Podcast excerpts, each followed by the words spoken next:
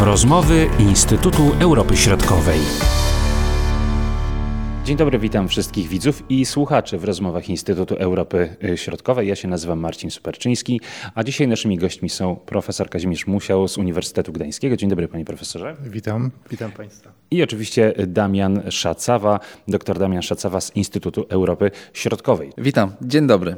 Szanowni Państwo, rozmawiamy y, dzisiaj o aspiracjach zarówno Finlandii, jak i Szwecji, aspiracjach natowskich, ale także o sytuacji innych państw bałtyckich w związku z taką, a nie inną y, sytuacją, która powstała po rosyjskiej agresji na Ukrainę. Może rozpocznijmy właśnie od tych aspiracji natowskich i tych przeszkód, które się tutaj y, pojawiają. Jak wygląda ta sytuacja na dzisiaj, jeśli chodzi o Finlandię i Szwecję? Przez y, kilka miesięcy słyszeliśmy o tym, że te państwa razem mają wstępować do y, NATO. Teraz sytuacja wydaje się zmieniać. Czy rzeczywiście?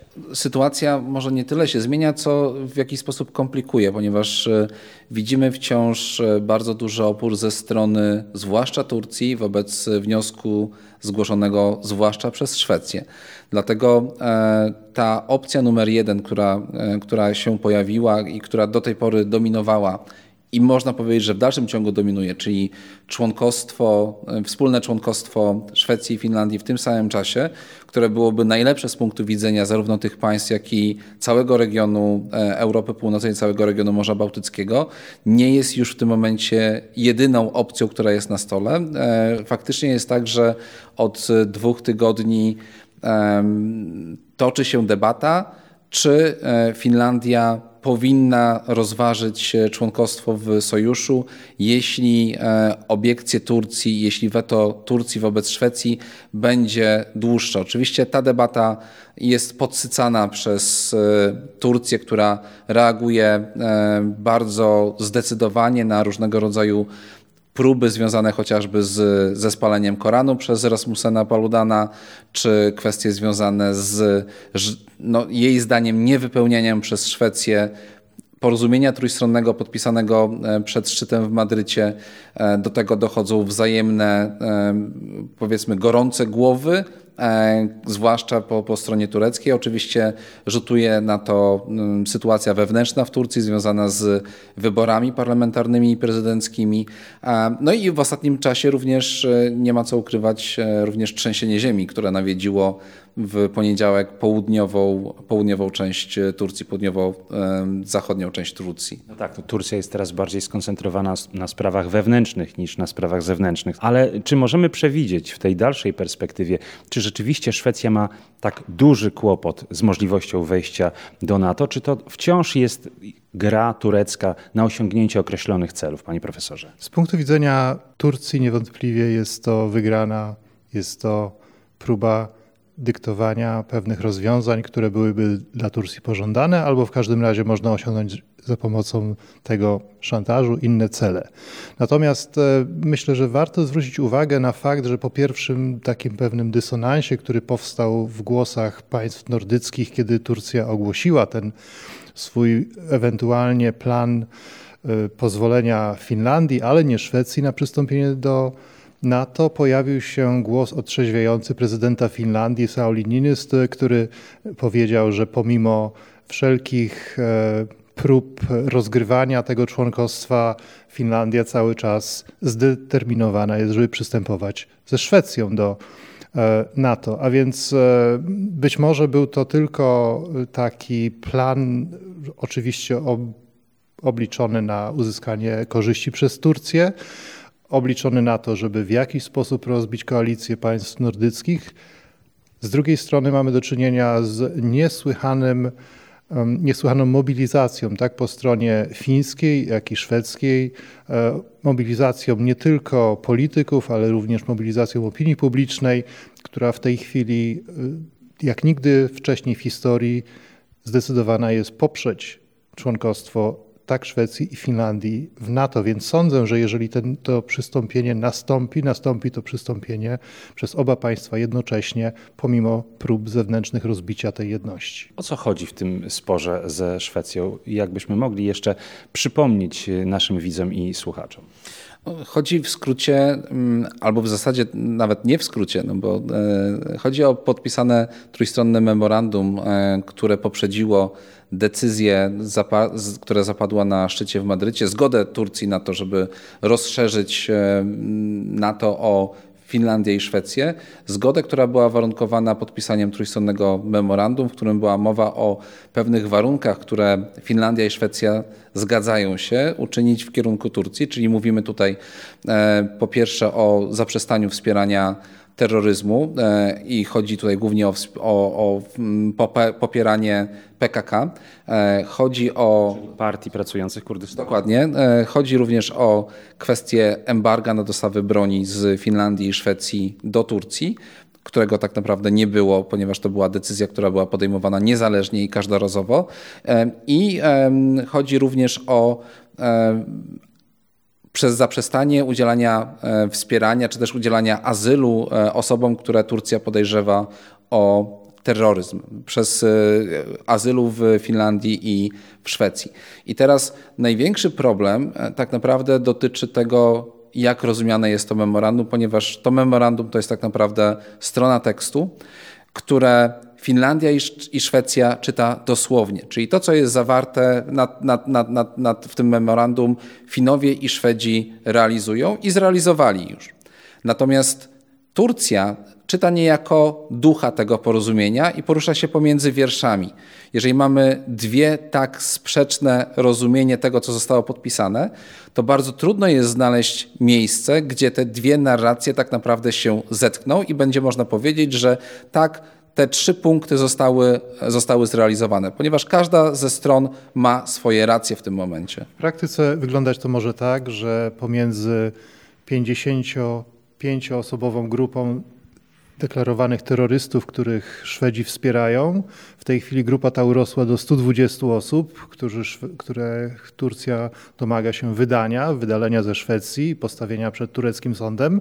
E, z, drugiej, z trzeciej strony mamy opinię publiczną szwedzką, która do tej pory nigdy nie zgodziła się i nie zgodzi się z pewnością na poruszenie e, na tyle mocne struktury państwa prawa w Szwecji, żeby y, decyzje niezależnych sądów przyznające azyl polityczny mogły być położone na szali polityki zagranicznej. I to jest chyba ten y, największy problem właśnie tego rozumienia, jak powinno działać państwo i czym jest szacunek dla prawa. Zdecydowanie. Tutaj myślę, że mm, to jest chyba największy węzeł gordyjski do, do rozcięcia przez e, wszystkie strony tego, tego sporu. E, nie powiedziałbym konfliktu, ale sporu interpretacyjnego, jeśli Kwestia chodzi standardów o umowę też. Międzynarodową, tego czy mamy do czynienia z rządem bardziej skłaniających się, skłaniającym się do autorytarnego sposobu podejmowania polityki, albo w każdym razie wodzowskiego sposobu uprawiania polityki, gdzie to jedna osoba decyduje o tym, jak państwo e, jest zarządzane i w jakim kierunku ma iść, i dużo bardziej kolektywnego sposobu uprawiania polityki, oparciu się na merytokratycznych i merytorycznych decyzjach podejmowanych przez wspólnotę, e, która broni de facto członków, jeżeli oni zostali do tej wspólnoty już przyjęci. Jeszcze dwie takie krótkie kwestie do tego, co powiedział profesor Musiał. Znaczy, po pierwsze, musimy zdawać sobie sprawę z tego, że e, w Szwecji nie ma stuprocentowego poparcia dla wniosku e, Szwecji o wstąpienie do Sojuszu Północnoatlantyckiego. Były i są grupy, które są temu przeciwne. E, I te grupy, widząc gwałtowną reakcję Turcji, no nie wahają się pokazywać, demonstrować tego, że Szwecja ich zdaniem nie powinna zostać e, członkiem Sojuszu Północnoatlantyckiego ze względu na kwestie trochę ideologiczne, a trochę również e, tożsamościowe i kwestii e, tej długoletniej, dwustuletniej neutralności. Kwestią, którą należy również podnieść, to jest wspomniany już tutaj Rasmus Paludan, obywatel Danii i obywatel Szwecji jednocześnie, którego spalenie Koranu przed ambasadą turecką w Sztokholmie wywołało ten kryzys dyplomatyczny i postawiło na nogi e, turecką opinię publiczną, zmobilizowało do protestów przeciwko szwedzkiemu członkostwu w NATO. E, Rasmus Paludan e, zawsze był po stronie tych, którzy obwiniali islam o wszelkie zło. Jest przywódcą duńskiej partii Stram Kurs. Twarda linia. Twarda linia, zdaje się, jest to tłumaczone na język polski. Słynącą z tego, że happeningi były głośne, były y, bardzo często zakłóceniem porządku publicznego. Policja przybywała na miejsce. E, nigdy nie dochodziło jednak do tych sporów na tle religijnym, tak jak w tej chwili miało to miejsce. Po raz pierwszy chyba w Danii zaczęto zauważać, przynajmniej duńska prasa o tym pisze, że być może mamy do czynienia wręcz z prowokacją inspirowaną zewnętrznie. To jest głos, który bardzo rzadko w państwach skandynawskich jest słyszany, że mamy zewnętrzne siły mieszające się w duńską, szwedzką politykę, natomiast tym razem po raz pierwszy duńskie media zaczęły e, przynajmniej w jakiś sposób e, wspominać o tym, że być może ta e, prowokacyjne, prowokacyjne spalenie Koranu przed ambasadą Turcji w Sztokholmie nie było tylko i wyłącznie inicjatywą tegoż polityka, jak najbardziej radykalnego, ale być może było rzeczywiście wspomożone przez zewnętrzne e, siły, zewnętrznych agentów wpływu. Nie wspomniano tutaj ani o Rosji, ani o żadnym innym państwie, natomiast e, było to gdzieś wyczuwalne w tonach tych publikacji. Mówimy tutaj o Turcji i przede wszystkim na Turcji panowie tutaj się koncentrujecie, ale analizując politykę poszczególnych państw, e, które są członkami NATO, to tutaj też są e, różnice, czasami subtelne, a czasami bardzo duże, jak w przypadku na przykład Węgier.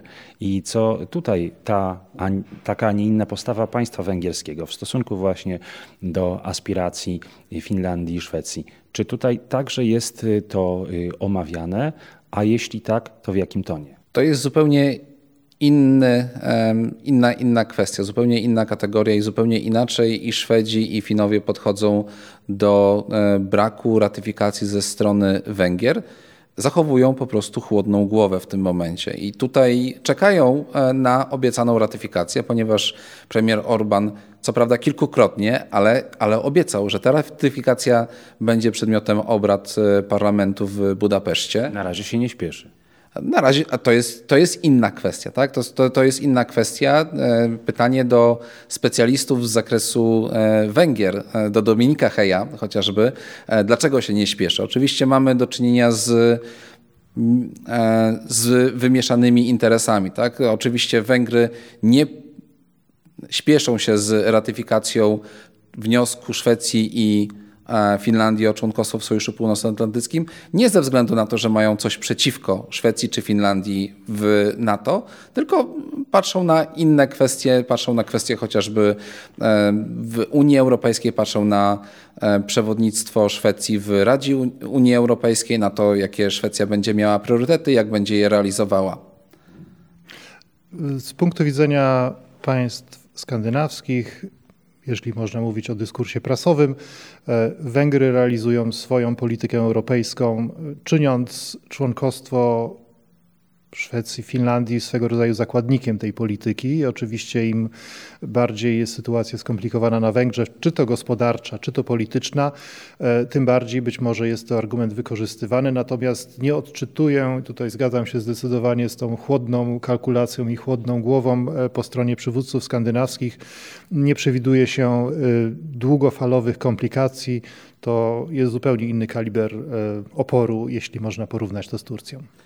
Jeszcze e, druga kwestia, o której wcześniej wspominałem. Druga kwestia jest taka, że jednak Szwedzi zaczynają e, zmieniać swoje prawo w sposób, który może nie uwzględnia w 100% to, co, czego oczekiwałaby Turcja, bo Turcja w pewnym momencie oczekiwałaby tego, żeby generalnie wszelkie akcje związane z protestami przeciwko islamowi z paleniem Koranu były uznane za nielegalne. W szwedzkim prawie, w którym wolność słowa, wolność zgromadzeń jest bardzo wysoko i, i jest w zasadzie fundamentem tak naprawdę tego, tego społeczeństwa od bardzo dawna, jest to niemożliwe. Natomiast widzimy, że Po pierwsze, Szwedzi procedują nad nową ustawą dotyczącą wspierania terroryzmu, w której będzie już możliwe pociągnięcie do odpowiedzialności osób, które nie są co prawda członkami organizacji terrorystycznych albo wspierających terroryzm, ale na przykład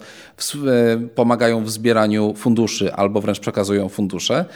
Po drugie, w Szwecji widoczny jest również taki e, chłodny pragmatyzm, które, którego zabrakło trochę wcześniej w przypadku e, relacji z Turcją. Ten chłodny pragmatyzm polega na tym, że no, w tym momencie już e, szwedzki wywiad, szwedzka policja bezpieczeństwa mówi, że kolejne akcje, w których miałoby dojść do palenia Koranu, które przypomnę, zgodnie ze szwedzkim prawem są zgodne z prawem, ale obrzydliwe jednocześnie, bo tak, tak, tak to zostało ocenione przez i premiera, i przez ministra spraw zagranicznych Szwecji. W każdym razie te kolejne akcje będą niemożliwe, dlatego że wzrasta zagrożenie terroryzmem, wzrasta zagrożenie atakami terrorystycznymi, które będzie wymierzone w Szwecję lub w Szwedów. Więc z tego powodu, mając taki wyższy interes, którym jest kwestia bezpieczeństwa i zapewnienia tego bezpieczeństwa dla Szwedów na świecie i dla Szwedów w Szwecji, kolejne akcje z w których organizatorzy protestów zamierzają palić Koran, nie są dopuszczane w tym momencie do, e, do, do, do, do odbycia się.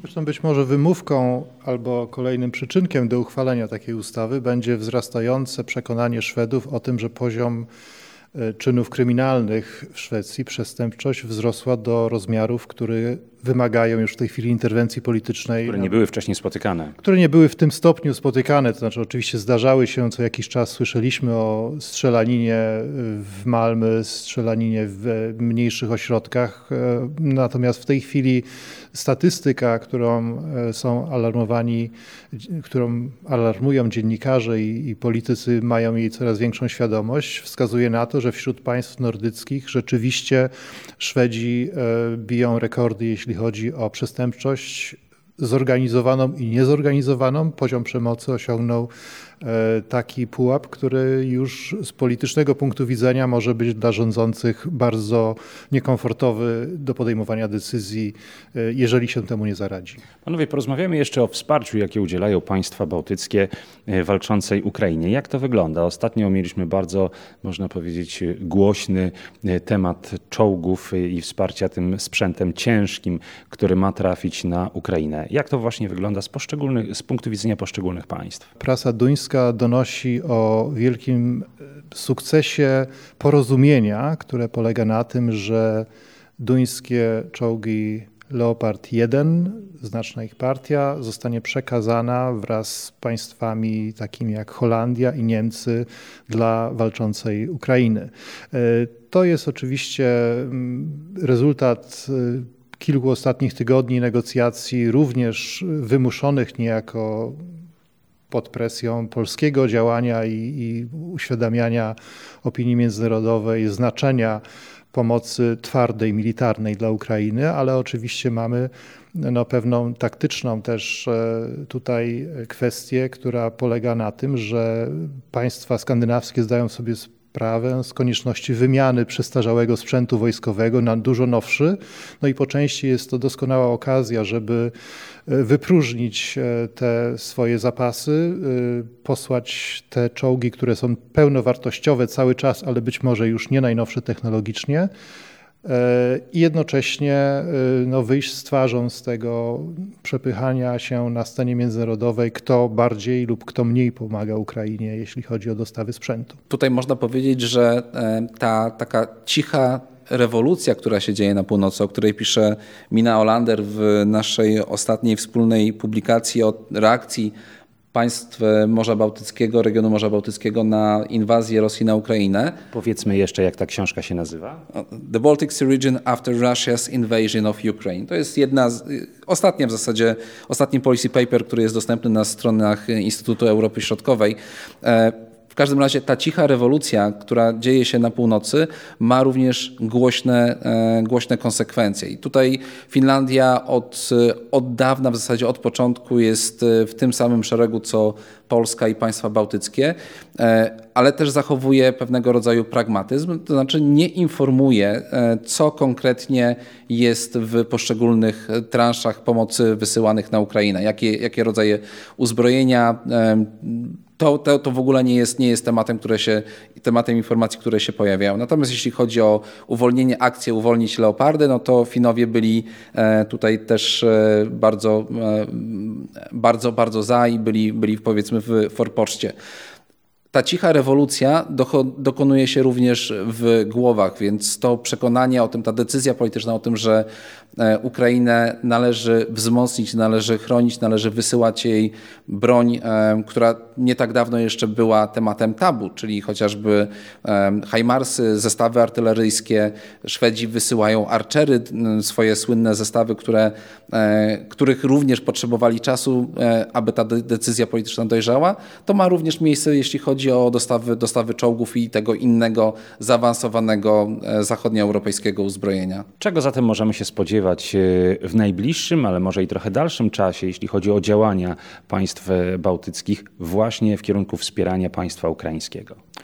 Państwa bałtyckie rozumiane szeroko, czyli państwa Europy Północnej, włączając w to Polskę, ale też włączając w to Niemcy, e, chyba jednoznacznie, prawie jak nigdy w historii tej najnowszej, opowiadają się jednoznacznie po jednej stronie. E, te gry na różnych fortepianach z różnym zrozumieniem dla potrzeb e, największego gracza regionalnego, jakim była przez długi czas Rosja, e, chyba wyraźnie się skończyły. Ta przemiana tożsamościowa następuje. Ta cicha rewolucja nakazuje zmienić też myślenie o tym, do czego służy regionalizm bałtycki, do tego, co do tej pory było ważne, czyli włączanie Rosji w pewien dialog, ta epoka definitywnie się skończyła, więc myślę, że wybór tej ścieżki na pomoc Ukrainie jako państwu, które dołączy w dłuższej perspektywie, a być może krótszej, do wspólnoty europejskiej, będzie y, też jednoznacznie skutkował rzeczywistym e, zaangażowaniem i coraz większym zaangażowaniem nie tylko środków militarnych, ale zapewne też środków publicznych e, w dużo większym stopniu niż do tej pory miało, miało to miejsce. E, kwestia jest ewentualnego podziału tego E, ukraińskiego tortu, jeśli można tak powiedzieć, jeżeli będziemy y, myśleć o tym jako swego rodzaju inwestycji w pokój, inwestycji w bezpieczeństwo. Zwrotu na tej inwestycji e, różne państwa będą miały e, różny wymiar, pewnie w zależności od tego, na ile Ukrainie pomogą, albo na ile też Ukraina widzi tę realną pomoc jako płynącą z serca Solidarności, a nie z kalkulacji tylko politycznej czy ekonomicznej. No, ja bym dodał do tego e, takie bardzo e, zakorzenione w prawie międzynarodowym przekonanie ze strony państw bałtyckich, państw nordyckich, przekonanie o tym, że o Ukrainie nie można rozmawiać bez Ukrainy, więc e, oczywiście wszyscy zdajemy sobie sprawę z tego, że żeby rozmawiać o tym, co będzie po wojnie, ta wojna musi się skończyć. Ta wojna może się skończyć na wiele możliwych sposobów. E, najprostszy to byłoby wycofanie wojsk rosyjskich, więc to jest kwestia decyzji, która, która niesie ze sobą takie, takie konsekwencje, co raczej nie zakładamy, że niestety nastąpi. Na pewno nie w krótkiej perspektywie. Nie w krótkiej perspektywie, więc z jednej strony jest to, jest to szereg działań, które które e, mają na celu no, zachowanie Ukrainy jako suwerennego państwa. Jest to również przekonanie o tym, tak jak mówię, że e, o przyszłości Ukrainy, o przyszłości tego generalnie, jak będzie wyglądała sytuacja w Europie Wschodniej, należy rozmawiać z zainteresowanymi przede wszystkim, więc to, to Ukraina musi określić te warunki brzegowe, nikt inny, nawet e, państwa nordyckie, które mają bardzo duże doświadczenie, jeśli chodzi o rozwiązywanie konfliktów, jeżeli chodzi o mediację, negocjacje, udostępnienie tak naprawdę miejsca do, do, do, takich rozmów, są oczywiście do tego gotowe, ale no dopóki nie będzie decyzji ze strony, ze strony Ukrainy, no to nie, ma, nie mamy w ogóle o czym mówić. To jest również kwestia humanitaryzmu i, i, i wsparcia udzielonego dla e, uchodźców, udzielonego dla osób, które zostały zmuszone do opuszczenia swoich terytoriów. To jest w zasadzie, powiedziałbym, wreszcie ze względu na przewodnictwo Szwecji w Radzie Unii Europejskiej, to jest również e, no, dyskusja wokół przyszłego członkostwa Ukrainy albo negocjacji Ukrainy dotyczących członkostwa w Unii Europejskiej. To również trzeba, trzeba na, na, na to zwracać uwagę. Warto pamiętać, że państwa nordyckie mają już doświadczenie państwom Europy Wschodniej, które po rozpadzie Związku Radzieckiego w latach 90. No, przeżywały i kryzys gospodarczy, i tożsamościowy, i kryzys bezpieczeństwa. Wówczas pomoc bilateralna, multilateralna ze strony państw nordyckich była jednoznaczna. E, państwa nordyckie wiedzą, jak pomagać i wiedzą, jakie mogą być długofalowe konsekwencje, zyski i straty z takiej pomocy. E, niewątpliwie to doświadczenie może się przydać. Tutaj wspomniana zdolność negocjacyjna, prowadzenia negocjacji to jest jeden z elementów, ale również e, skupienie się na kluczowych zdarzeniach, na kluczowych obszarach, które dla rozwoju długofalowego, nowoczesnego społeczeństwa są potrzebne. To jest coś, co rzeczywiście z tego lekcja, która z regionalizmu bałtyckiego może popłynąć dla ewentualnego regionalizmu w Europie środkowo-środkowej środkowo-wschodniej. Bardzo dziękuję Panom za tę rozmowę. E, dotknęliśmy kilku tych najważniejszych elementów e, bieżących, ale też e, tych, które będą ważne w bliższej i dalszej perspektywie. Bardzo dziękuję raz jeszcze za rozmowę, a naszymi rozmówcami byli profesor Kazimierz Musiał z Uniwersytetu Gdańskiego i dr Damian Szacawa z Instytutu Europy Środkowej. Marcin Superczyński. Do usłyszenia. Były to rozmowy Instytutu Europy Środkowej.